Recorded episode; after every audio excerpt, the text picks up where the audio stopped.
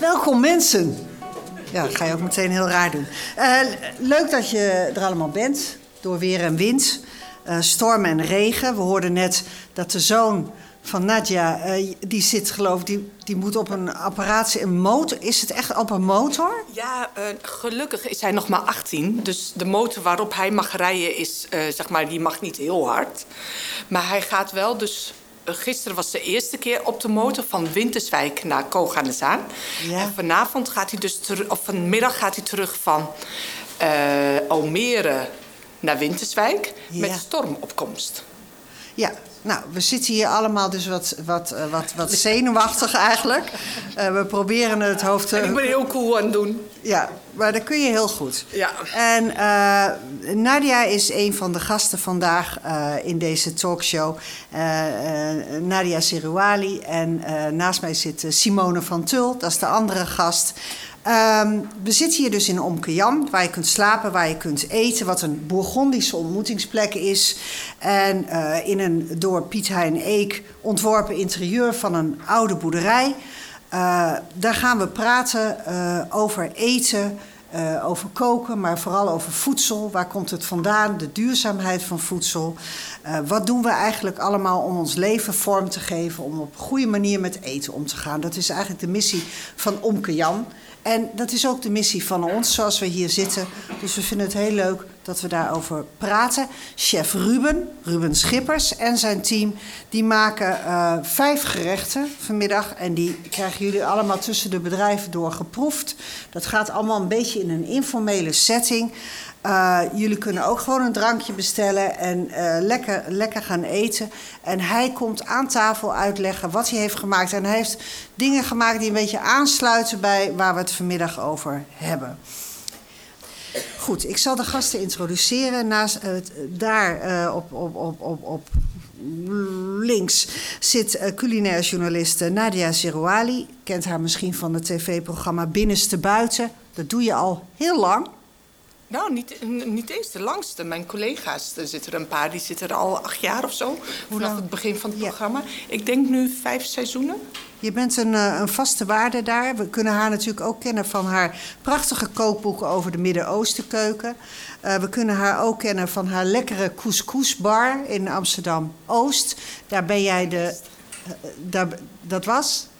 Wat Oost en West. Oost en West. Ja. Daar ben je nog steeds uh, de baas, zeg maar. Ja, dat klinkt niet goed, hè, dit? Nee, nee ik, ik al helemaal niet. Uh, ik heb namelijk gehoord dat je eigenlijk bijna niet naar binnen mag... of dat ze allemaal heel blij zijn als jij weg bent. Nou ja, ik mag vooral komen afwassen, koken, wc's schoonmaken... maar niet achter de kassa. Nee, omdat jij alles weggeeft.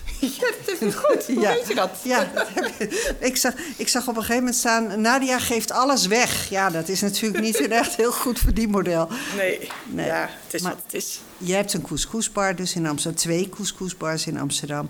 En um, je bent ambassadeur. En daarom hebben we je natuurlijk ook uitgenodigd...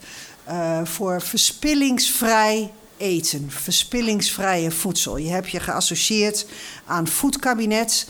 Uh, dat is eigenlijk van de slow food beweging in Nederland... die zich inzetten voor, een duurzame, voor duurzame voeding. Ja, meer low food. Meer low food. Ja, ik ben meer low food dan slow food. Wat is het verschil tussen low food uh, en slow? Stichting. Ah. Een andere stichting Low Food gaat echt over de Nederlandse eetcultuur. Ja. En Slow Food is meer die internationale grote beweging vanuit Italië. Ja. Daar ben ik wel lid van, maar daar ben ik niet zo actief in als bij uh, Low Food. Uh, Slow Food is begonnen onder leiding van Carlo Petrini, uh, Petrini in, ja. in, in, in de Piemonte in Italië. En heeft als doel zeg maar, om bepaalde ja, gerechten of ja, ingrediënten, ingrediënten ja. eigenlijk te beschermen en te zorgen dat die met een goede herkomst wordt bewaakt en op een goede manier mee om wordt gegaan. Hè? Low food, wat is, het, wat is, is de missie van low food? Uh, dat we, we onderzoeken en bekijken eigenlijk gewoon de Nederlandse eetcultuur. Die, zoals die is op dit moment. En we praten over het voedselsysteem waar we allemaal onderdeel van uitmaken. En we proberen uh, chefs, voedselmakers in de brede zin van het woord, consumenten, uh, docenten erbij te betrekken. En we hebben een paar punten waar we heel erg op focussen. Dus we hebben elk jaar een symposium over food, waar we een onderwerp uitlichten. ehm, van gelijkwaardigheid in de keukens tot andere onderwerpen. En uh, we ontwikkelen lesprogramma's samen met bijvoorbeeld de Eres Hogeschool of uh, met Flevo Campus. Ja. Um, nou ja, dat soort dingen. Ja, we gaan er straks over doorpraten. Naast jou zit Simone van Tul. Simone van Tul is eigenlijk horeca-restaurantmanager geweest. Uh, jarenlang. Maar heeft zich nu tot de koningin van het inmaken en de fermentatie ontwikkeld. Je, je weet niet hoe zo'n pad loopt, daar gaan we straks over hebben. Maar zij schreef deze inmaak- en fermentatiebijbel. Twee weken geleden is dit uitgekomen. Het is 497 pagina's over alleen maar het onderwerp inmaken en fermentatie. Nou, je, ik wist echt niet dat je daar zoveel over kon schrijven. Ik ook niet. Maar ik heb, dus, ik heb dus gehoord dat het hiervoor nog dubbel zoveel tekst was. Ja, het was heel raar toen ik gevraagd werd om deze Bijbel te schrijven. Toen dacht ik in eerste instantie van, ja, te gek. Maar een Bijbel is altijd in een vast format. Dus die moet 500 bladzijden zijn. Daar moeten 230 recepten plus in staan. Ja. Dus ik dacht eerst, nou, ik, de helft had ik ook goed gevonden voor een eerste boek. Maar gaandeweg het schrijven uh, merkte ik eigenlijk dat ik dacht, ja, er, er is al zoveel. Uh, elke keer als ik naast mijn eigen recepten, maar als ik in andere keukens ging duiken om meer onderzoek te doen, dan dacht ik, ja, dat, dat is oneindig eigenlijk. Als ik meer tijd heb, kan ik er wel drie schrijven of zo, bij wijze van. Um, dus ik vond het sowieso, het, het onderwerp is een soort oneindig. Daar kan je volgens mij je hele leven uh, induiken en, en dingen over leren. En ik merkte eigenlijk gaandeweg zelf dat ik ook eigenlijk heel veel um, uh, te vertellen had, uh, ook door mijn horeca-carrière en omdat ik zelf zoveel met eten bezig ben. Dus het, behalve tijd, die was mijn vijand, maar verder ging het eigenlijk. Uh, dat is het moderne leven, hè? Dat, dat, dat tijd je vijand is. Ja. Uh, wij komen straks op de inhoud van dit boek natuurlijk te, te spreken. Jij hebt twee, als ik het nu goed zeg, twee delicatessenzaken Thuls Daily in Amsterdam ook. Ja. En daar verkoop je ook heel veel producten die een fermentatie- of inmaakproces achter de rug hebben. Ja, uh, het is er één. De, de, we hadden een tweede, het was een soort tijdelijke... Ja, het is zo, maar het gaat allemaal zo rap. We hadden een soort pop-up op de Zeedijk, die is nu oh. uh, afgerond. Daar staan nu al mijn boeken mooi in de etalage. En dan gaan we mogelijk weer naar een andere locatie op zoek.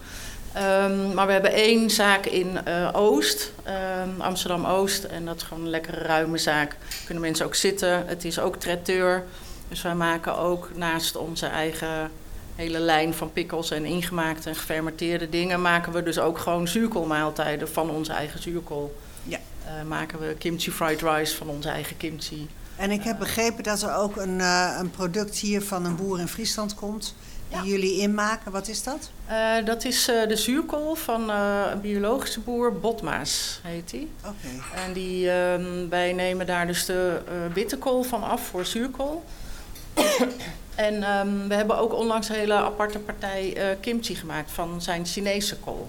Dus het was heel leuk, want hij had eigenlijk mij opgebeld en hij zei... Ah, Simone, ik heb een idee. Ik ga een uh, kimchi-stroken aanleggen. En dan bedoelde hij dus gewoon alle... Wat heb je nodig voor je kimchi? En dan ga ik gewoon rijen rettig, rijen Chinese kool en lenteui. En dan... Uh, dus dat komt hier vandaan. Hij levert ook veel aan zorginstellingen ja. in de buurt, heb ik mij laten vertellen. Wat overigens, uh, want nu lijkt het misschien een klein beetje dat dit zich allemaal westelijk uh, van Friesland afspeelt. Dat is niet het geval. Bijvoorbeeld hier in de keuken wordt eindeloos gefermenteerd.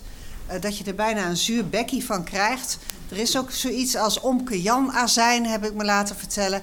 En Ruben heeft daar volgens mij uh, iets staan. In dat witte vat zit iets. Ruben, zou je heel even... Dit is uh, chef Ruben Schippers. Geef hem een applaus.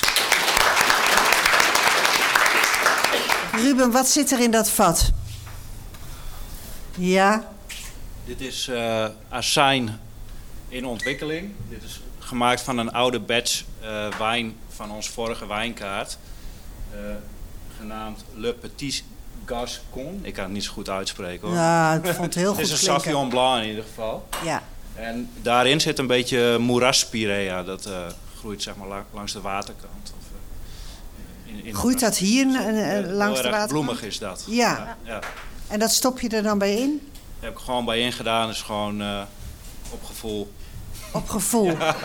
Doe jij alles op gevoel? Ja, ja, veel wel. Nee, fermenteren niet hoor. Dat is wel een, een gecontroleerd proces. Maar Ja. hier zit een azijnmoeder in.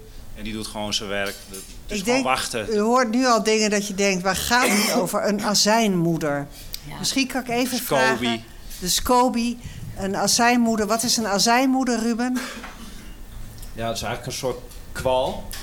eh, van eh, gegroeide bacteriën, zeg maar. Ja, Ja. Dat is hoe je dat makkelijkst kan omschrijven, denk ik. Ja, Misschien kan ziet er- Simone daar wat meer over Ja, nou ja, Ja. het is inderdaad heel, ik zag hem gisteravond al. Het is, ehm, eh, hij lijkt dus heel veel op de, de cultuur die je in de kombucha eh, moet doen, die jullie dus nu gedronken hebben. Maar het is wel net een andere samenstelling van bacteriën en eh, gisten. Eh, maar beide zijn dus een, een soort starterscultuur waarmee je dus azijn kan maken of kombucha.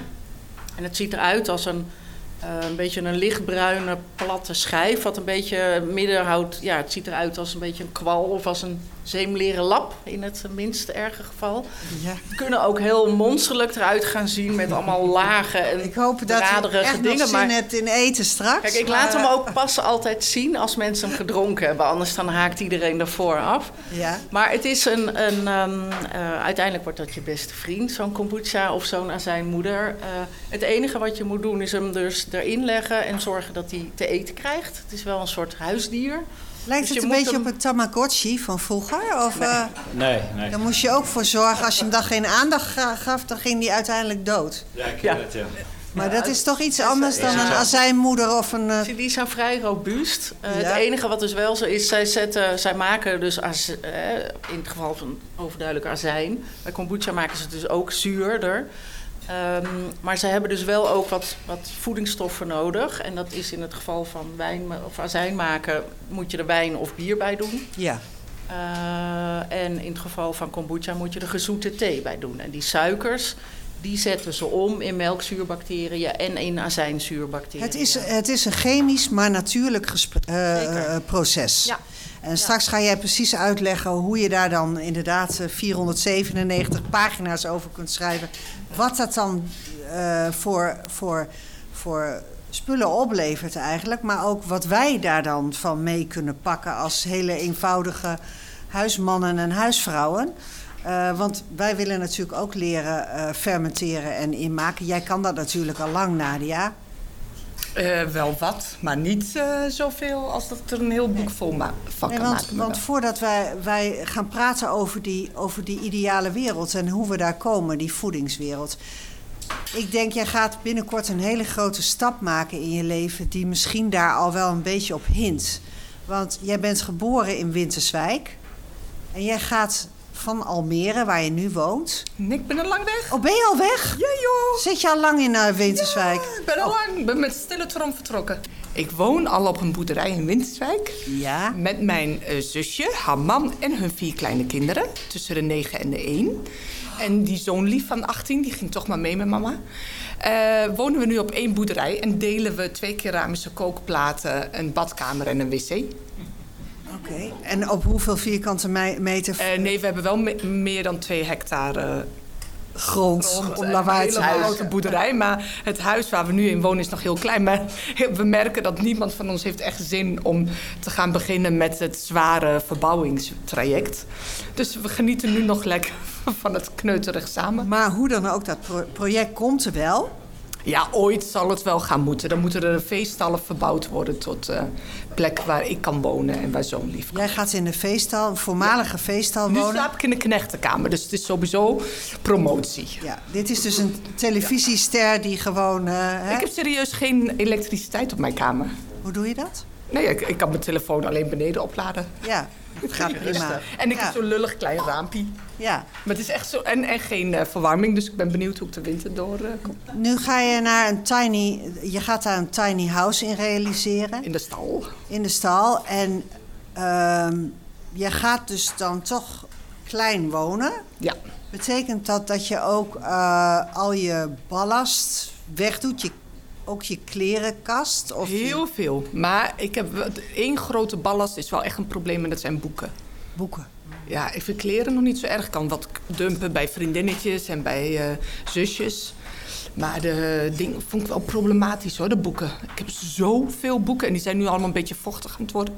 Dus ik ben heel benieuwd hoe dat gaat. Ja, Maar kun je niet een walk-in bibliotheek maken in plaats van Ja, een walk-in... closet. Ja, ja. ja. een, zeg Ja, maar, een is deel leuker, van de toch? stal dat hij gewoon bibliotheek een mooie wordt. bibliotheek. Ja, ik vind Lijkt boeken leuk. echt pijnlijk om weg te doen. Ik doe. Degenen die mijn huis, ja, degenen die mijn huis hebben gekocht, hebben heel veel van mijn spullen gehouden. Oh, dat, is wel een handige fijn. manier Gewoon om de... kasten, tafels, af te stoelen. komen. Ja. Wat, eh, wat, wat was jouw motief eigenlijk om uiteindelijk, dan al een poosje geleden, toch weer terug te gaan naar Winterswijk? Terwijl jij vroeger zei: Ik ga echt nooit meer op het Wi- Winterswijk wonen. Ja, Dat heb, ik volgens, heb ik dat tegen jou zo gezegd? Dan, dan was er iets voorgevallen met de familie, denk ik. Want je had ik gewoon even een slechte dag. Ja, dat denk ik echt. Wanneer? Want ik heb altijd gezegd, later als ik groot ben, dan wil ik weer naar Winterswijk. Wat, wat trekt jou zo aan? Ik om- vind het echt, echt serieus heerlijk. Ik hou echt van Winterswijk en van Winterswijkers. Ik vind het echt... Ik heb nog nooit dat ik daar was en dat ik dacht van... Oh, net zoals dat ik me nu schaam voor Nederland. Even, sorry, we leven in een rare politieke tijd. Zeker. Dat ik me echt doodgeneer dat ik nu een Nederlander ben. eh, ben ik altijd heel trots om te zeggen dat ik een Winterswijkse ben. En kun je uitleggen wat dat dan is? Wat, Ja, een heel open, sociaal, nuchter volk. Het het zijn de Friesen waarschijnlijk ook. Maar Winterswijkers, ja, dat is gewoon een stelletje boeren bij elkaar. Heel gezellig, heel open. Ze zijn niet heel... Kijk, we, we hebben een paar dorpen om ons heen... die zijn echt heel eh, christelijk of heel katholiek. Ja. Winterswijk is dat ook niet. En het was altijd al... Mijn moeder draagt een hoofddoek. Mijn vader was een fabrieksarbeider... die echt zeg maar, geïmporteerd is voor de textielindustrie. Ik, ik ben nog nooit in mijn leven gediscrimineerd. Gewoon nog nooit. Ik heb echt leraren gehad dat ze aan mij vroegen... van wie ben Oede Enne? Zeg maar, zodat ze geen af- onderscheid gingen maken... tussen de rest van de kinderen in de klas. Ja. Of eh, mijn leraar Nederlands, die eh, in mijn Arabische literatuurperiode... liet hij mij voor mijn Ma- MAVO-boekenlijst... mocht ik vertaalde Arabische literatuur lezen... omdat ik de rest al had gehad. Dus dan ging hij mijn boeken lezen. En dan zei hij van, nou, dit is meer dan MAVO-boekenlijst waardig. En ja, dat soort interacties, ik denk dat dat echt heel veel voor je doet... als je opgroeit als bicultureel eh, iemand. Dat sterkt je. En is dat ook een reden om wel weer daar te willen zijn... nadat je een carrière hebt gehad, een wooncarrière in Almere bijvoorbeeld? Ja, ja, echt 25 jaar in Almere. En ook echt daar heb ik heerlijk gewoond. Hè. Ik bedoel, mijn oppas, opa en oma, die waren fantastisch. Die hebben gewoon 18 jaar lang eh, ervoor gezorgd dat ik kon werken. Omdat zij voor mijn kind hebben gezorgd. Ja. En gewoon met weken oppassen en zo.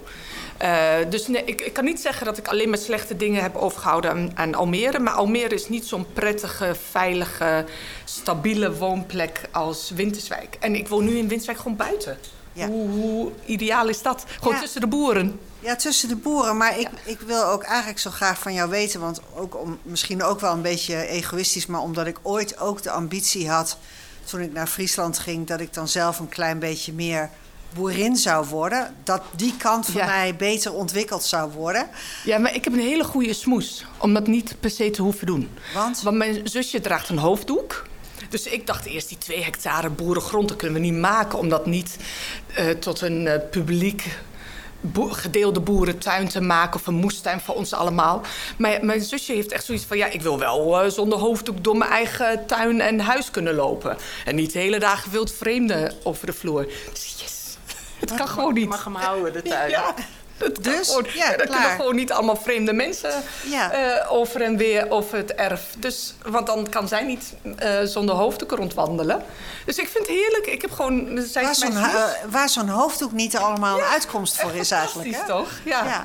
Ja. En, maar is het wel zo dat je een verlangen hebt eigenlijk naar dat... Want, want ik ken Winterswijk ook wel een beetje. En dat is natuurlijk een plek die, die past in een, in een landschap... waar heel veel boerenactiviteit is.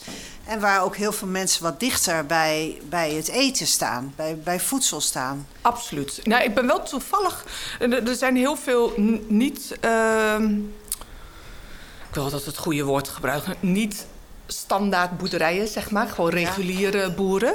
eh, in de Gangbare. Achterhoek, gangbare in de Achterhoek. Maar toevallig woon ik tussen alleen maar gangbare boeren. En dat vond ik ook wel eens heel fijn om uit die bubbel te komen. Ik ben zeg maar altijd omringd door, ook voor binnenste buiten of zo. Ik kom juist altijd bij de bijzondere boeren. De verantwoorde boeren, de ja, nee, ja, biologische... vooral bij de bijzondere boeren. De boeren die naast boeren ook nog ondernemer kunnen zijn... of sociaal werker willen zijn. Of, daar moet je ook mee willen. Ja. En ik ben nu eigenlijk omringd door allemaal eh, gangbare boerenboeren. En ook boeren die al... eh, een paar jonge boeren. Onze buurman is echt gewoon eh, Menno. Zijn jonge tweede generatie boer. Zijn vriendin. Hij woont zeg maar bij zijn, oude, bij zijn schoonouders op het erf en is die boer. En, en dat vind ik ook wel heel fijn. We hadden laatst een Ratumsfeest, wat dan elk jaar zeg maar voor de Ratumnaren is.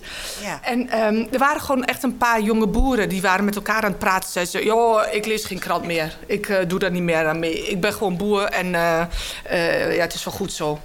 Ja. En ik zie het wel, als ik niet meer kan boeren, dacht ik ja, deze boeren, daar moeten wij ook naar kijken en luisteren. En niet alleen maar doen eh, alsof zij allemaal geïnteresseerd zijn en capabel zijn tot eh, meegaan in alles wat we eigenlijk nodig hebben in die landbouwtransitie. Het is En nodig, maar niet iedereen kan het. Dus we moeten daar wel oog voor blijven houden. En, en, en vooral niet een soort vijandig, eh, vijandige houding creëren... waardoor er helemaal geen, geen basis meer is om verder te praten. Nou ja, misschien. vooral een heel gepolariseerd Ja. debat. Want Ja. laten we wel wezen, als jij niet beter weet... en de enige die op jouw erf komen zijn de Friesland Campina mensen... of de, de, eh, de, de voederbedrijven... en je hebt van generatie op generatie geboerd... en je hebt in Nederland op de landbouwschool gezeten... ja, dan ben jij niet per se eh, eh, goed geoutileerd... om eh, al dat soort levensgrote veranderingen te kunnen doorvoeren.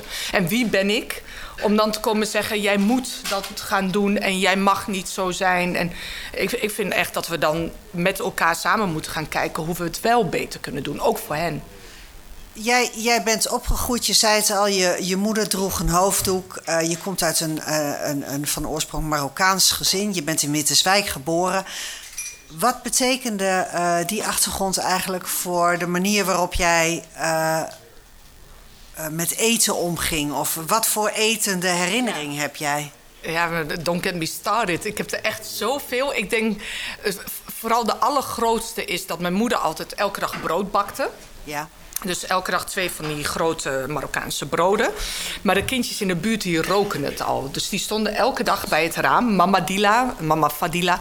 Mama Dila mag ik ook een stukje brood. Dus er ging al echt één brood. Ging elke dag op aan al die kindjes. Er zijn nu zelfs kinderen vernoemd naar mijn moeder. Van oude buurtjes. Echt waar? Ja. Leuk. Het is echt te grappig. Dus dat zag ik al. Dat mijn moeder, of ze nou wel of niet een hoofddoek droeg, wel of niet goed Nederlands sprak. Zij was echt de lievelingsbuurvrouw van de hele wijk. Want Ja. zij had vers brood. Ja. Maar Dat datzelfde was brood. een verbindende factor. Ja, maar datzelfde brood vond ik echt verschrikkelijk. Want ik moest met dat brood naar school in plaats van witte boterhammen. Ja. Dus ik ging op school al dat brood ruilen voor Granny Smith appels en zo. Ja. En witte knipcasino's. Ja, precies. Want dat vond ik natuurlijk een stoere, lekkere. Ik wilde ook hetzelfde brood als de En kinderen. pindakaas natuurlijk. Ja, nee, de Marokkaanse brood was wel met pindakaas. Het gelukkig. niks lekkerders dan smeltend op dat warme Oh. brood. Maar in die tijd vond ik dat dus niet leuk. Dus dat zegt ook wel weer wat, dat je eigenlijk hetzelfde wil zijn. Ja. Maar ook ging ik naar de boer, want op mijn fietsje eh, boter, of, eh, melk halen... zodat mijn mo- moeder zelf eh, boter kon karnen en karnemelk kon maken. Dat maakte jouw moeder allemaal zelf. En naar de molen, meel halen voor dat brood. Dus ik had ook wel weer als klein kind contact zeg maar, met het boerenerf. Alleen ik vond het toen heel stom. Ik dacht, je ik moet een stinkende veestal in om melk te halen voor mijn moeder. De, Ja. kin- de andere kinderen En hoefden nu woon je in een feesttaal. Ja, ja het, nog is- het kan raar. Ja, het kan, verkeren. Het kan verkeren, ja. Maar wel, zo, zo werkte het dus. Als kind had ik niet door dat ik dat later echt fantastisch zou vinden. Dat ik ben opgegroeid, zeg maar, op mijn fietsje naar die boeren en daar melk en eieren en zo halen. Dat wist ik gewoon niet dat ik dat nu later leuk zou vinden. Ja, dat je het later leuk vindt, komt dat eigenlijk omdat je dit voorbeeld hebt gezien? Want ik zeker. bedoel, ik ken een heleboel moeders, laat ik gewoon zeggen, mijn eigen moeder bijvoorbeeld, die echt niet eh, boter stond te karnen. Er was Ja. gewoon geen sprake van. Daarbij was het in de tijd Bleuband. Was, eh, was, was het merk Bleuband, zei je toch? Ja. Je zei Bleuband, maar het is helemaal fout eigenlijk, hè? Het is Blue Band. Nou ja, wij zeiden allemaal bleuband, maar je- Ja, ik ben heel, ja, echt, God zij gedankt, niet opgegroeid met al die Hollandse voedseltrauma's. Pakjes en zakjes Ja, bedoel je? pakjes en zakjes, doodgekrookte spruitjes, bloeband. Blueband. Eén koekje? Oh jemig, dat was echt traumatisch trouwens. Dat Wat? ene koekje. En Wij zijn gewend als opgroeiende dat er altijd een grote schaal met koekjes. En daar mocht je gewoon zoveel van eten. Ik weet niet hoe dat is in Friesland. Hè. Ik wil niet alle Hollanders over één kam scheren. Of Nederlanders. Maar eh, wij We kunnen wel even een korte test doen. Ja, één Eh, koekje zijn, mocht wie je is maar er pakken. hier van één koekje groter, met één koekje groter? Groot geworden, hè? Niet nu. Ik ook wel, denk ik. verrekt. De meerderheid Oh, hoor. Maar dat vind ik dus echt zielig. Ik zou Jij daarvoor naar een zielig? psychiater moeten, Ja, denk ik. ja. Maar ik werd dan dus echt zo eh, van... Nadia, dat, zo doen wij dat niet. Je mag maar één koekje. Ik zei, rot op. Als een koekje lekker is, dan wil je er toch meer. Je kunt toch niet één koekje verwachten van een kind? Nee, nee. Of van een groot kind. Nee, Kan maar goed, je niet. kunt natuurlijk rebelleren. Dus je kunt wel eh, de tekst krijgen dat je er één neemt en er vervolgens de hele zak. eh, Nee, maar je mag niet stelen. Ah, ja. Nee, je moet gewoon Stelen? gastvrij zijn. Je moet gewoon die schaal... ja, echt. ja, je mag toch niet meer... Nee, je mag gewoon een schaal neerleggen en als je dan trekken... Gastvrijheid. Ja. Nadia, hoeveel dus ook zelf dingen, dingen maken. En niet zozeer uit bezuiniging of zo. Maar omdat je dichter bij het proces blijft. Ja, ik, ik weet het niet. Ik, vind- ik vind het gewoon heel raar dat er mij dat gevraagd werd of dat dat niet kon. Ja. Zeg maar, ja, dat, dat gaat er bij mij niet in. Hoe belangrijk is jouw moeder? Want was jouw moeder de kok thuis? Eh, allebei. Zeg maar, toen ik echt opgroeide, kookte mijn vader alleen als mijn moeder eh, zwanger en misselijk was of net bevallen en zo. En dan wel twee van die gerechten, van die Marokkaanse pulvruchtgerechten, die altijd mijn vader heeft gemaakt. Maar sinds die met pensioen is, zoals zoveel mannen, eh, moeten ze vechten over dat. eh, Wie er mag koken? Hoe bepalend is die achtergrond geweest voor hoe jij zelf met eten om bent gegaan? Want volgens mij ben jij, heb jij een enorme transitie doorgemaakt. Ik denk dat je vroeger misschien anders at dan nu. Klopt dat? Oh, dat zal wel dat zal kunnen. Maar dat is denk ik ook wel gewoon door de huidige tijd. Dus Ja. eh, als kind vooral Marokkaanse eten, maar ook echt wel hutspot en eh nasi-tafel of zo. Ja. Maar dan een beetje vermarokkaniseerd en halal gemaakt door mijn moeder. Ehm, daarna heb ik een hotelschoolperiode gehad. Dus dacht ik dat het heel goed was om alleen maar heel chic te eten met panties. En dan mijn man die was... Chic te eten met panties? Je panties aan en hoge Oh. hakken. En dan had mijn man altijd van die werkkleding aan. Die ging dan met mij mee naar die chique restaurants. En dan schaamde ik mij.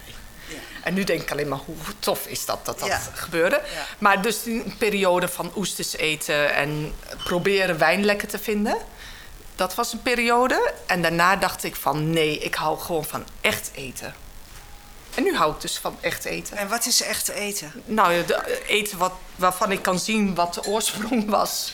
Of gewoon de, duidelijk eten. Ik ben niet per se iemand die vindt dat je alleen maar lokaal eten mag eten. Want ik zou niet zonder mijn specerijen kunnen. Of zonder eh, zeg maar heel veel smaakmakers die je echt wel moeten importeren. Oh, dus iemand die eventjes eh, de radio erbij aanzet. Eh, maar we gaan gewoon weer door. Ja, nee, dus ehm, ik ben niet per se van alleen maar lokaal. Maar wat ik wel echt zoveel mogelijk probeer is alleen maar eh, lokale en seizoensgroenten te eten.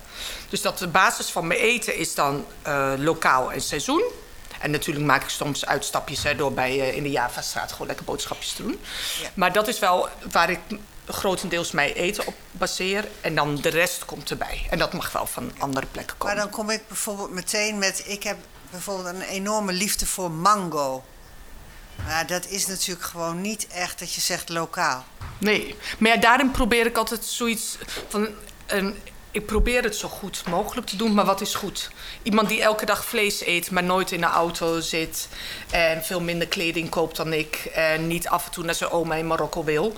Die is veel duurzamer, beter bezig dan ik. Die zogenaamd dan geen vlees eet. Weet jij een moment eh, in je leven dat je je ging bekommeren om duurzame, duurzaam eten? Ja, ik denk toch dat het op een gegeven moment is hoe meer je weet, eh, hoe minder je weet. Maar ook hoe meer je weet, hoe groter die verantwoordelijkheid is. Het is net als mijn, mijn ouders, die eten gewoon halal geslacht vlees. En dat vinden ze goed genoeg. Terwijl ik denk, ja, halal geslacht industrieel vlees is niet eens halal. Maar ja, voor mijn ouders is het zoiets, ja, het is hun verantwoordelijkheid van de slager. En zoals ze het zeggen, dat het halal is, is het halal. Ja, dat kan ik niet Voornamelijk, aan. ze hebben het altijd zo gedaan, is het dan ja, toch? ja. Dus dat En, is en voor wat, wat, is jouw, eh, wat zou jij dan doen? Halal biologisch vlees of zo? Ja, halal niet, vrije uitloop eigenlijk, ja. Halal Ja, vrije ha- uitloop. halal betekent eigenlijk goed gegeten, goed geleefd, goed geslacht. Niet zien dat, eh, dat je mede die soortgenoten worden geslacht. Eh, dus industrie, industrieel vlees of industrieel slachtvlees, dat kan per definitie niet. Dus ja, dan kun je bijna nergens vlees eten. Nee. Dat, dat is veranderd hè, in jouw leven, want je bent er natuurlijk naartoe gegroeid. Ja, en ook daarin maak je soms van die paden. Ik ben zo lactose-intolerant als ik weet niet wie. Dus de zuivel was makkelijker om te laten. Toen dacht ik, ja, weet je, ik wil gewoon blijven vliegen. Dus ik ga wel stoppen met vlees. Want ik kan toch heel goed Oh andere dingen klaarmaken. Dus dan stop ik wel met vlees eten. Maar ik ben daarin ook zo'n lekker hypocriet. Als het niet... Kijk, ik ben zogenaamd eh moslim en halal. Maar als er heel lekker varkensworstje langskomt... wil ik wel best wel een stukje proeven. Ja. Of eh, als er iets heel... Ja, Het grote nieuws is eigenlijk, Nadia is geen heilige. Nee, ja, dat. Nee, want, want voeding is wel voor heel veel mensen een soort kerk geworden natuurlijk. Ja, hè? dat vind, ik- dat vind ik bijna eng daaraan. Ja. religie. Ja, ik denk dat we wees gewoon een beetje niet elkaar de maat nemen. Maar als we gewoon proberen wederom weer niet Kijk, we te polariseren. wijn op Kijk. tafel. Na- Nadia ook? Nee, nee, nee, ze blijft wel bij de kamp. Ja. Je bent geen drinker geworden. Nee, nee. Maar, Eh, nee, maar als, als je eh, probeert niet te polariseren, maar te kijken hoe we het beter kunnen doen. ja. En erkennen dat ieder zijn of doet wat in zijn of haar macht ligt. En niet elkaar de maat nemen. Dat lijkt me een grotere stap. En, en een zinnigere stap dan elkaar eh, met vinger oh, dit en dat en dit Hoe en streng dat. ben jij eigenlijk, Simone? Ben jij een beetje van de voedingskerk? Of Ja, ik ben wel eens uitgemaakt voor een soort culinaire politie of zo. Door Culinaire een, eh, politie? Door een collega kok. Eh, maar dat was meer grappend. Nee, nou voor mezelf, kijk, ik, ehm, ik wilde net eigenlijk ook al aanhaken. Bij mij is denk ik ook een beetje hetzelfde gebeurd. Ik heb wel, doordat ik in de horeca werkte en eh, echt op gewoon hele goede, leuke plekken, fijne restaurants. Geen ehm sterrensegment, maar gewoon waar echt gewoon heel goed werd gekookt wist ik wel al heel snel dat je kwalitatief heel goed eten hebt en minder eten. Dus ik proefde, ik was op een gegeven moment wel echt zo dat. Ja, mij doe je niet echt meer een lol met eh, bakjes, tapas, dingetjes van de Albert Heijn of zo. Ik proef echt wel heel goed het verschil van dat en ik noem maar wat een stuk kaas uit een hele goede kaaswinkel of van een biomarkt. selectiever geworden? Ja, dat bedoel, dat verschil, het is wel redelijk onomkeerbaar, vind ik, als je daar eenmaal heel veel lekkere, goede dingen hebt geproefd. En dan bedoel ik absoluut trouwens niet luxe. Eh, Nee. Ik ben helemaal niet van de luxe dingen of van de kreeften of de kaf. Ja, ik hou juist heel erg van ehm, eh, eigenlijk hele nederige ingrediënten. Ik vind eh, als ik een hele mooie kool kan kopen en daar iets onwijs lekkers mee kan maken, vind ik leuker. Ja. Ehm, of een heel mooi stuk varkensgebraad of een eh, weet ik het wat. Word ik blijer van dan een eh, dure Oosterscheldekreeft. Zo, ja, vind ik ook niet erg. Maar En het is is, het- niet mijn. eh, Is de afweging smaak of is de afweging eh, hoe het geproduceerd ja, is? nee, het is echt wel allebei.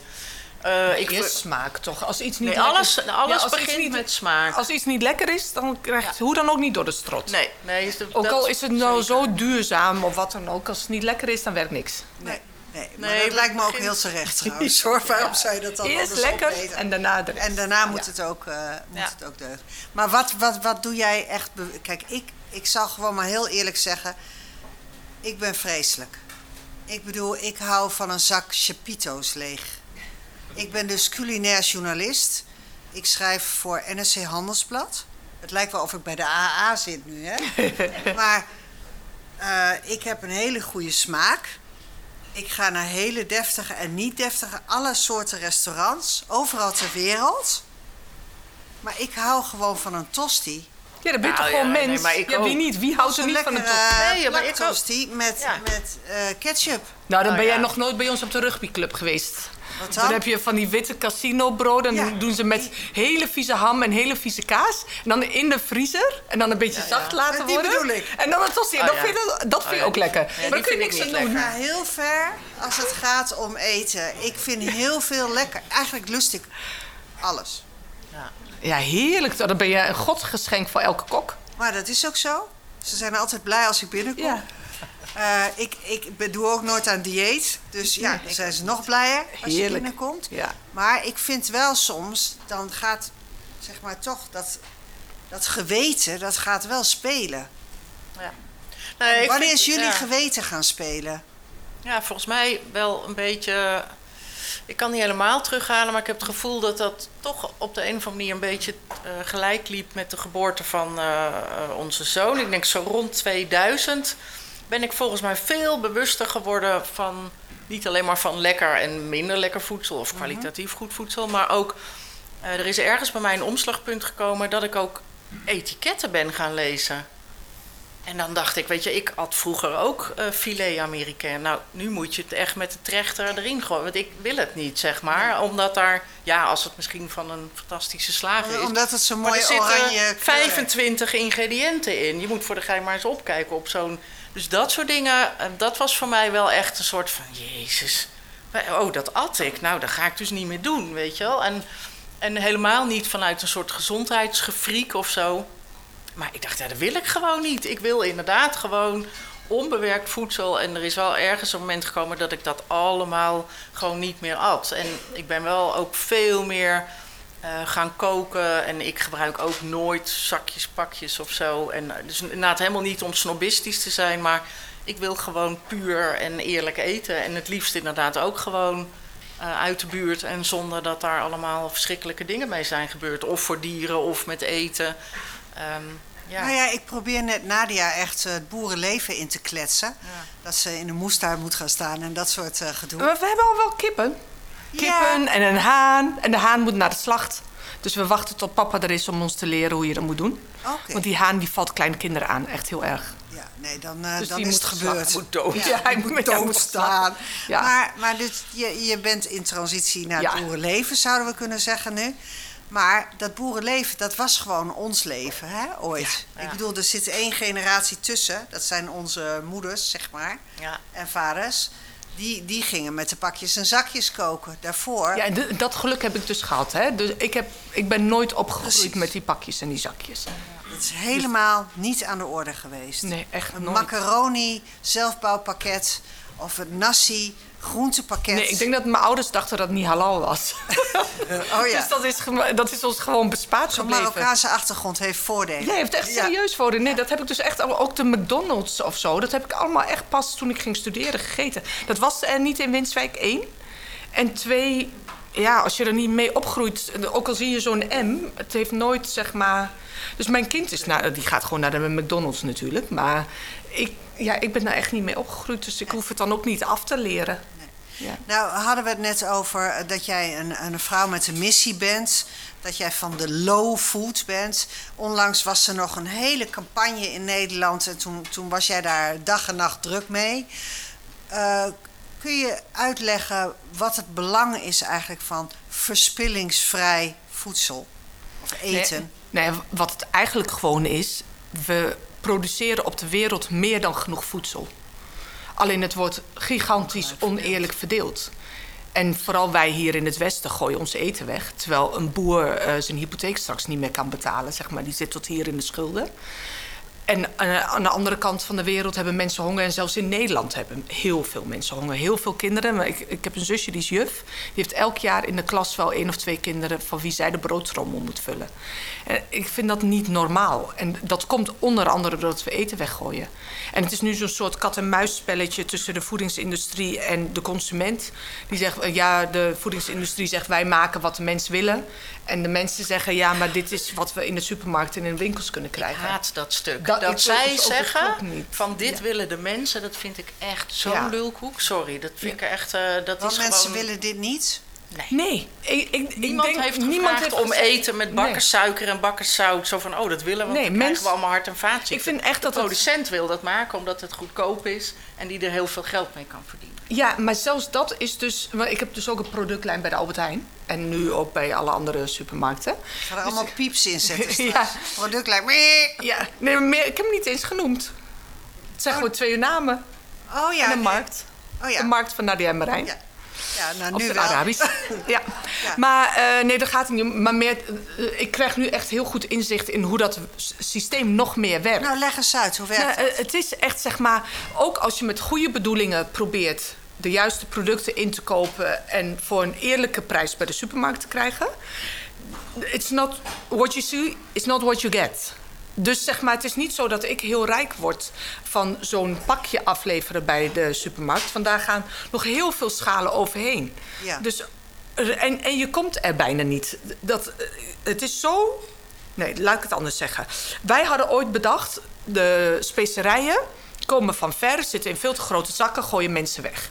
Dus we maken kleine bakjes voor Nederlandse huishoudens, want het zijn gewoon niet zo groot. Kleinere bakjes met een kort lijntje met de specerijenleverancier, waardoor mensen heel snel die specerijen opmaken, kunnen ze weer nieuwe doen en dan hebben, we, eh, hebben ze weer altijd lekkere verse specerijen in huis. Nou, eh, lagen we bij eh, de supermarkt, kregen we in de consumentengids beste Nederlandse specerijen in de supermarkt zijn die van ons. Dus wij helemaal wauw, helemaal vieren. Toen zei onze specerijenleverancier, let op, jullie worden eruit gezet. Nou ja, hoezo? We, we hebben eh, in de Succes. consumentengids wordt het gezegd dat wij de enige zijn die het goed doen zonder zout en bla bla bla. Met alleen maar specerijen en geen vulmiddelen en geen bloem en hout en weet ik veel.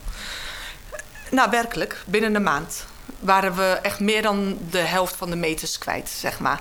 Omdat de grote spelers in het vak je gewoon veel meer geld geven aan de supermarktketens, waardoor ze jou eruit zetten.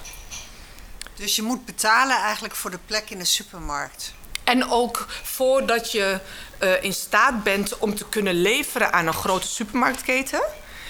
Dat is voor bijna niemand weggelegd. Als je niet heel veel geld hebt om te beginnen, is het bijna niet te doen. Wij hadden het geluk dat we op het juiste moment, de juiste tijd, die Arabische keuken in Nederland wilden neerzetten. Waardoor de supermarkten graag onze producten willen. Waar eh, wij al een naam hadden opgebouwd als tv-koks en, en eh, kookboekenschrijvers. Want jullie, eh, Nadia en Marijn, hè, dat was echt een begrip. Ja, we hadden al heel veel kookboeken en Jullie hadden tv-programma's eindeloos waren jullie op tv. Precies, dus mensen wilden met ons aan de slag. Anders had ik nooit een product... waar zou ik de miljoenen vandaan moeten halen... om de boodschappen in te kopen? Weet je, de producten in te kopen en ze in een glazen pot te doen. Nou ja, jij weet hoeveel geld dat kost. Dat is niet te doen dan. En dan voor 900 supermarkten. Ja. Dat is niet te doen. Dus het hele mechanisme, die hele, eh, zeg maar dat hele politieke veld wat achter een supermarktketen zit of achter de voedselindustrie zit, dat maakt het zo corrupt. Het is niet per se een product of een merk of een mens. Het is echt dat hele systeem waar we in zijn gerold, die maakt het zo fout. En daarom heeft het dus geen nut om alleen de boer aan te spreken... of alleen de consument te zeggen, jij moet betere keuzes maken... of alleen de leverancier te zeggen, je moet betere ingrediënten of producten neerzetten. We moeten echt met elkaar beslissen dat we dit niet meer willen. Maar, maar anderzijds eh, heb je toch als eh, gewone burger, consument ook een verantwoordelijkheid daarin. Bijvoorbeeld, eh, wij worden altijd aangemoedigd om boodschappen te doen bij de kleine ondernemer. Ja, maar wie moedigt jou aan? Dat zeggen ze wel. Dat zie Om- ik dan in de krant staan. Ja, maar ja, vervolgens is de enige die overleeft is een grote supermarkt. Ja, want er er bestaan helemaal geen kleine is- ondernemers meer. Of tenminste, ze Bijna zijn er niet. heel weinig. Ja. Nou ja, we hebben dus Simone. Maar die heeft ook al een keten trouwens. Met eh, meer. Nou ja, eigenlijk niet hè. Nee. Nee, maar de kleine ondernemer waar je kaas of waar je de slagers gaan. Ja, maar als wij een systeem maken waarin iedereen gaat werken, moet werken, niet eens tijd overhoudt om nog boodschappen te doen, als we niet meer weten hoe we makkelijk en goed from scratch kunnen koken.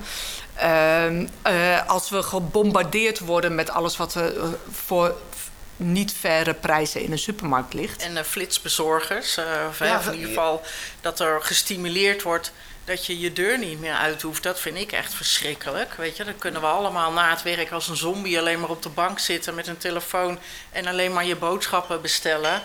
Ehm, ja, dat helpt allemaal niet met, met verbinding inderdaad met het eten hebben. Met zelf iets ook uitzoeken en kijken van... oh, wil ik die pruim, komt die uit Nieuw-Zeeland of komt die uit Nederland of zo. Weet je, dat, je haalt dan alles weg en het gaat alleen maar om gemak... en jouw gevulde koelkast zonder dat jij moeite hoeft te doen. Dus, en, dus, dus dit gaat over een vorm van vervlakking die ons eigenlijk is, is opgedrongen. Ja, we zijn er met z'n allen onderdeel van. Want wij wilden allemaal studeren en wij wilden allemaal werken, eh, zeg maar kantoorbanen. En wij wilden allemaal. Weet je, ook sommige dingen willen wij zelf. Maar wat, wat ik heel erg probeer, is elke keer te denken: nee, we zijn een samenleving. En in een samenleving hebben we verschillende verantwoordelijkheden neergelegd bij verschillende mensen. Dus we hebben de politiek die is ergens verantwoordelijk voor. Wij als ondernemers zijn ergens verantwoordelijk voor. De media is ergens verantwoordelijk voor, voor elke stap. En met elkaar kunnen we op een gegeven moment ook zeggen, zoals we na de Tweede Wereldoorlog hebben gedaan, dit nooit meer weer. We willen nooit meer honger. We willen dit nooit meer met elkaar zo omgaan. Uh, we willen woningen. Dus op een gegeven moment hebben we met elkaar ervoor gekozen om geld in te leveren en uh, iets op te tuigen. Dus als wij nu met elkaar beslissen, deze manier van samenleving die wij nu hebben opgetuigd met elkaar, dient niemand. Dient niet de boer, dient niet de consument. Mijn gezondheid gaat achteruit. Uh, weet je, het is niet goed voor ons, laten we wel wezen, dit eetpatroon. En we hebben een overheid die verantwoordelijkheid hoort te nemen, vind ik, voor zijn burgers. Dus het feit dat wij dit kunnen eten en op deze manier boodschappen doen en op deze manier werken met elkaar, ja. Dus als iedereen als we als samenleving zeggen van nee, dit willen wij niet. Het moet anders. Betekent dat je offers moet brengen? Ja. Misschien uh, hou je aan het eind van de maand iets minder geld over. Maar als dat betekent dat uh, wanneer ik 80 ben, uh, ik nog wel mensen heb die voor mij willen zorgen. En dat ik wel gezond 80 kan worden, omdat ik niet al mijn vaten dichtgeslipt zijn en mijn hart naar zijn malle moer. door het eten wat ik eet. Maar wat jij net allemaal vertelt, daarin breng jij zeg maar allemaal linken aan tussen nou, laten we zeggen hoe we naar school gaan en of we wel of niet aan sport doen. En uh, dat we uh, een, een, een armoedeprobleem hebben op de, hè, op de hele wereld natuurlijk, maar ook in Nederland. En je verbindt al die onderwerpen aan elkaar. En dat is een, ja, als je er uh, streng naar kijkt, een bijna holistische opvatting. Eten is niet een geïsoleerd iets. Nee, ik zeg altijd, voor mij is het echt, eten is wat ons mens maakt. Dus eten is wat, hoe ik eet, waar ik mijn eten vandaan haal, met wie ik het deel, of ik het niet, wel of niet wil delen. Dat is wat mijn mens maakt. Dat bepaalt uiteindelijk wie ik ben. Ja. En zo, als je dat stukje eten weghaalt, ja, dan zijn we gewoon maar andere dieren. Maar zijn we andere dieren? Ja. Was dat niet veel leuker geweest eigenlijk trouwens? Ja, ja als, je die, als je dat haantje bent in de raten. Ja, dan, heb je even pech. Dan ben je de klos. Ik vind overigens dat we wel toe zijn aan aan eten. Want we zitten hier nou de hele tijd te kwaken over eten. Maar je, je wil ook eens een keer wat gewoon echt krijgen. En het mooie is dat we chef Ruben, die krijgt het nu opeens heel, heel warm. Want ik kondig chef Ruben aan. En die moet even aan tafel uh, zitten. Chef Ruben uh, Schippers is de, is de chef hier bij Omke Jan in Woudzend. Een schilderachtig watersportdorpje. prachtig Fries dorpje. Uh, en uh, er wordt nog even een laatste hand gelegd. Ja, ik doe nu even live verslag alsof ik een soort, soort Theo Koma-achtige iemand ben. Maar dit is om de tijd vol te kletsen. Uh, ik denk dat er iets met een emulsie van groene kruiden nu over het gerechtje gaat. Misschien heb ik het ook niet helemaal strak op de klok gedaan. Maar het komt goed. We krijgen nu het eerste gerechtje. Het hele publiek krijgt het ook in een prachtig ouderwets kopje. Dankjewel, Nienke. Ruikt verrukkelijk. Uh, en uh, ja, ik hoop ook dat, uh, dat de chef aan tafel komt. Want die gaat natuurlijk vertellen wat wij geserveerd krijgen. En ook wat het hele publiek... Ziet er een beetje lekker uit, jongens. Hebben jullie honger? Ja, hè? heel veel trek. Oh, je mag geen honger zeggen, hè? Ja, daar zijn we ook allemaal mee groot ge doodgegooid. We hebben geen honger, we hebben trek. Uh, dus twee gerechtjes voor ons. En uh, chef Ruben, jij werkt hier al trouwens best wel een hele tijd, hè? Ja, bijna drie jaar, ja. Bijna drie jaar. Ja. En uh, ja, jij hebt eigenlijk waar we het over hebben in, in dit gesprek... dat heb jij eigenlijk uitgedrukt in de gerechten. Ja, dat klopt. Uh, de twee gerechten die ik gemaakt heb, dat zijn een... Ja, nou doet hij het beter, hè? Ja, nu doet hij het beter. Een koji cakeje is gemaakt van Gort van Molen het Lam uit Harig. De molen staat hier en de gort komt uit Harig Juist. van Jan de Vries. Um, daarbij een bietje gepoft en gemarineerd. Die ja. bietjes komen van uh, Daan Trimpen uit Koudem. En een beurre blanc met een beetje huisgemaakte miso pasta erin. En een eh, emulsie van eekhoorntjesbrood. Of een mayonaise, hoe je het ook wil noemen. Ja, ja. en dus het, dit, dit, dit is, want laten we even stilstaan bij dit eerste gerechtje eerst. Eh, dit is een, eh, allemaal zijn dit lokale producenten. ja, Ga je dat ook allemaal testen van tevoren? Of hij een beetje goed spul heeft? Ja, uiteraard, ja. Ja. ja. En, en op bezoek kijken hoe er gewerkt wordt. eh, Oh, de, en de, de boter in de beurre blanc, die komt trouwens van eh, de Nijlander in Workum. ah ja, Ja. dat is ook een kaasboerderij, Ja, hè? ja. Met, eh, met, Lekker. er is iemand, Deze nog niet? het komt eraan. Eh, er komen nu, als, als gekken worden alle gerechtjes uitgedeeld. Oh, iedereen is nu met de kopjes eh, bezig. Gaan we even eerst naar het tweede gerechtje. Wat is het tweede gerechtje? Eh, de, het tweede gerechtje in het kopje, dat is een eh ja, zuurkool in room. Ja. En die, eh, die witte kool eh, waar ik de zuurkool mee gemaakt heb, die komt van het Groene Strand in Workum. En dat het bestel ik groene dan. strand betekent Ja, het dat groene strand, ja. Ja. Dat bestel ik dan via boer en chef. Ehm, en de room die ik daarbij gebruikt heb, die komt van Ipco uit Ipegolskeer. Dat is hier vlakbij. echt, ja, als je het dorp uitfietst, dan ben je er al. Eh, met een stukje gerookte paling van Freek Visserman. Wie is Freek Visserman? Eh, ja, dat, dat is een palingvisser uit Heeg. Die vist op paling, snoekbaars. Hij heeft ook rivierkreefjes en wat bijvangst waar ik onder andere ook vissaus van maak. Eh, derde, derde generatie visserman. Of achtste, oh, excuus. Achtste generatie Ik was Visserman. wel bang om het te zeggen. Maar even over die paling. Hè. Er is een beetje op dit moment eh, natuurlijk eh, de discussie dat je geen Ja. paling mag eten. Ja. Van, Deze paling deugt wel.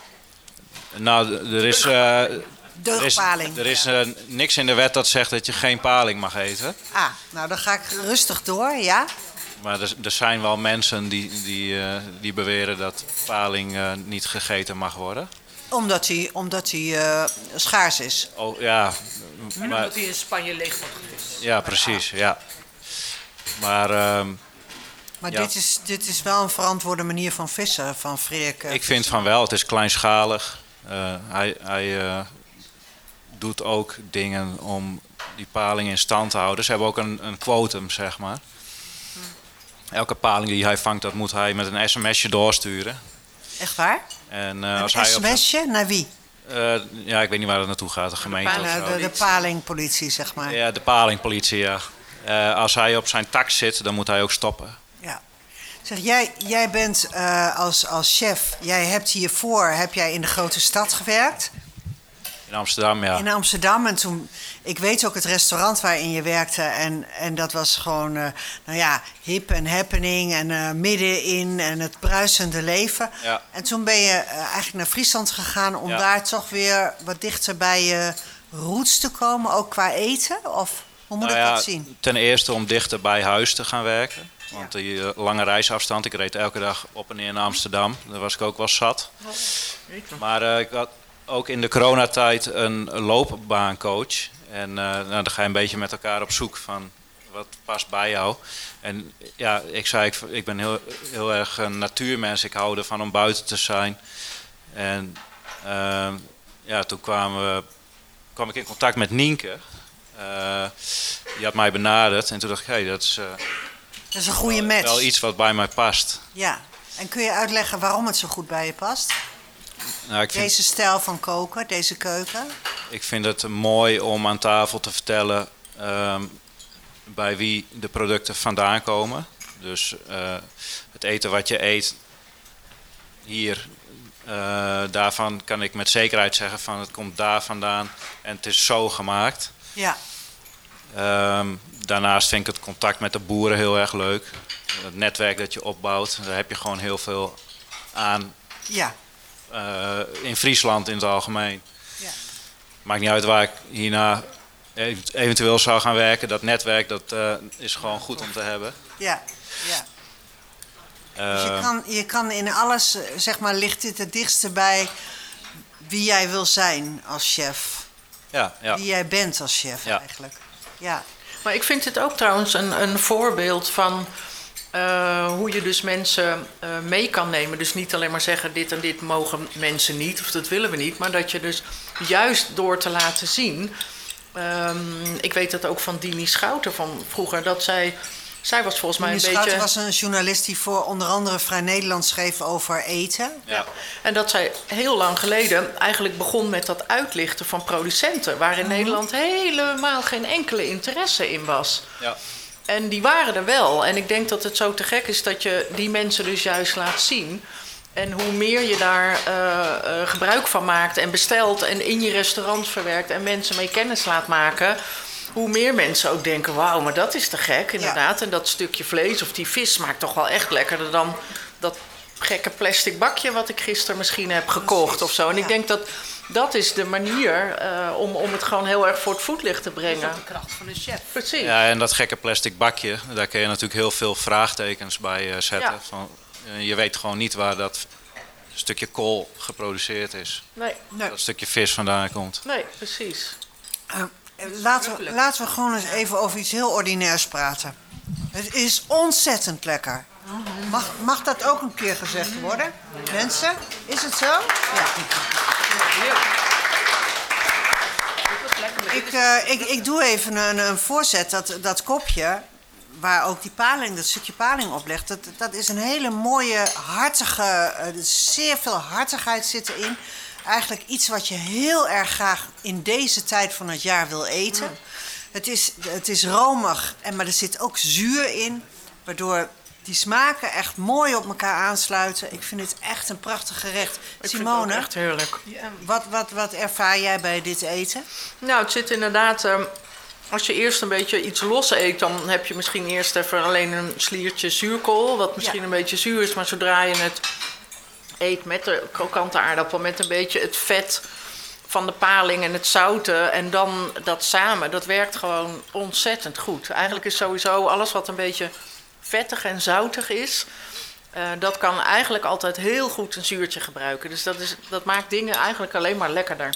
Zegt de fermentatiekoningin, maar zo is het wel. Uh, ja, ja, ja, zo is het wel. Ik heb er dus geen paling bij. Nee, jij hebt zonder paling. Maar dan is het nog steeds heel erg lekker. En juist doordat het okay. zuur is, ja. blijf je dooreten. De ja. combinatie van het romige en zo. Want de, het knappertje van de aardappeltjes, maar ook gewoon dat romige. Je blijft. Ik heb. Uh... Nou, het gaat echt heel goed hier aan tafel en in de zaal ook. We gaan even naar het tweede gerechtje. Die heb ik al op. Oh. Nou ja, jij, jij bent echt sneller dan het licht. Want dit is echt een totaal ander gerechtje. Hier heb je de knapperigheid en het zuren van de biet die met elkaar uh, ja, in, in deftige kringen zeggen een huwelijk Umami. met umami en een huwelijk met elkaar aangaan. Maar die contrasteren heel mooi, hè? Ja, ik, ik vind die uh, Japanse manier van koken ook heel mooi. Alleen dat is heel. Ik, dacht, ik vond het altijd heel lastig om dat toe te passen hier in het restaurant, zeg maar. Want het moet wel lokaal blijven en je moet wel kunnen vertellen uh, dat het uit de regio komt. Dus ben ik dat gaan maken met deze gort. Uh, nou ja, dat, dat, is goed gelukt, denk ik. De gort is heel regionaal, maar de miso is toch echt die Aziatische toevoeging? Uh, die heb ik wel zelf gemaakt van waldbientjes. Waldbie woudboontjes. Ja, ja. ja. Ja, maar dat staat is uh, al een half jaar. Dat is toch prachtig dat, Ja. dat je als chef allemaal technieken tot je beschikking hebt van over de hele wereld. Waarmee je gewoon een simpele kool of uh, een mooi gort de ene keer op zijn Hollands kan eten, de andere keer met Japanse technieken kan klaarmaken. Dat is wel de magie die jij dan kan toepassen. En dat maakt het in mijn hoofd dus niet minder lokaal. Nee. Het is een, niet. Nee, maar het is dat een is ook techniek of een ingrediënt. Ja, en het feit dat jij het maakt hier, op dit moment, op deze plek, voor ons. Met deze dat ma- spullen? Maar ook met gewoon met deze ingrediënten van ingrediënten, hier, ja. Dat maakt het dan typisch voor hier. Ja. Ja. ik hou daar heel erg van. Ik ben niet zo. We, we- we- we gaan toch niet meer terug naar alleen nog maar. eh, ja, naar, naar waar. Want dan mogen we ook geen aardappelen meer eten. En dan mogen we ook geen tomaten eten. Dus dat, dat slaat nergens op. Nee, we willen, we, we willen wel de, de modernisering Ja. en, de nieuwe, en de processen die we nu kennen. Maar wel gecombineerd met spullen zoveel mogelijk uit de buurt. Ja, Dat, dat is eigenlijk wat we, wat we nu zitten te doen vandaag. Ja, zelfs die tomaten die kan je hier gewoon uit de streek halen. Ja, precies. Ja. Maar als je heel Ja. puriteins wil gaan doen... Ja. en je wil dan zogenaamd Hollands-Hollands... ja, wat is dat dan? Precies, ja. Ja, Dan wordt het wel heel saai. ja. Ondertussen is het lekker stil in de zaal, want ik heb het idee dat iedereen wel goed zit te eten. Bevalt het allemaal mensen? Ja, heerlijk. Ja, oh, er is ook een glas wijn, er gaat de lucht in. Nou, de sfeer zit er al aardig in, mooi zo. Ehm, we gaan, eh, ja, eh, Ruben, jij, jij gaat weer terug naar de keuken. Ja, ik heb nog andere gerechtjes. Te... Ja, nou, de- wij verheugen ons nu al op de komende twee gerechtjes. Dit was deel 1 van de aflevering vanuit Omke Jan in Boutzend. Met Nadia Zerouali, Simone van Tul en chefkok Ruben Schippers. Luister ook naar deel 2 over lokaal en duurzaam eten. Die aflevering komt op 27 februari online. Tot dan!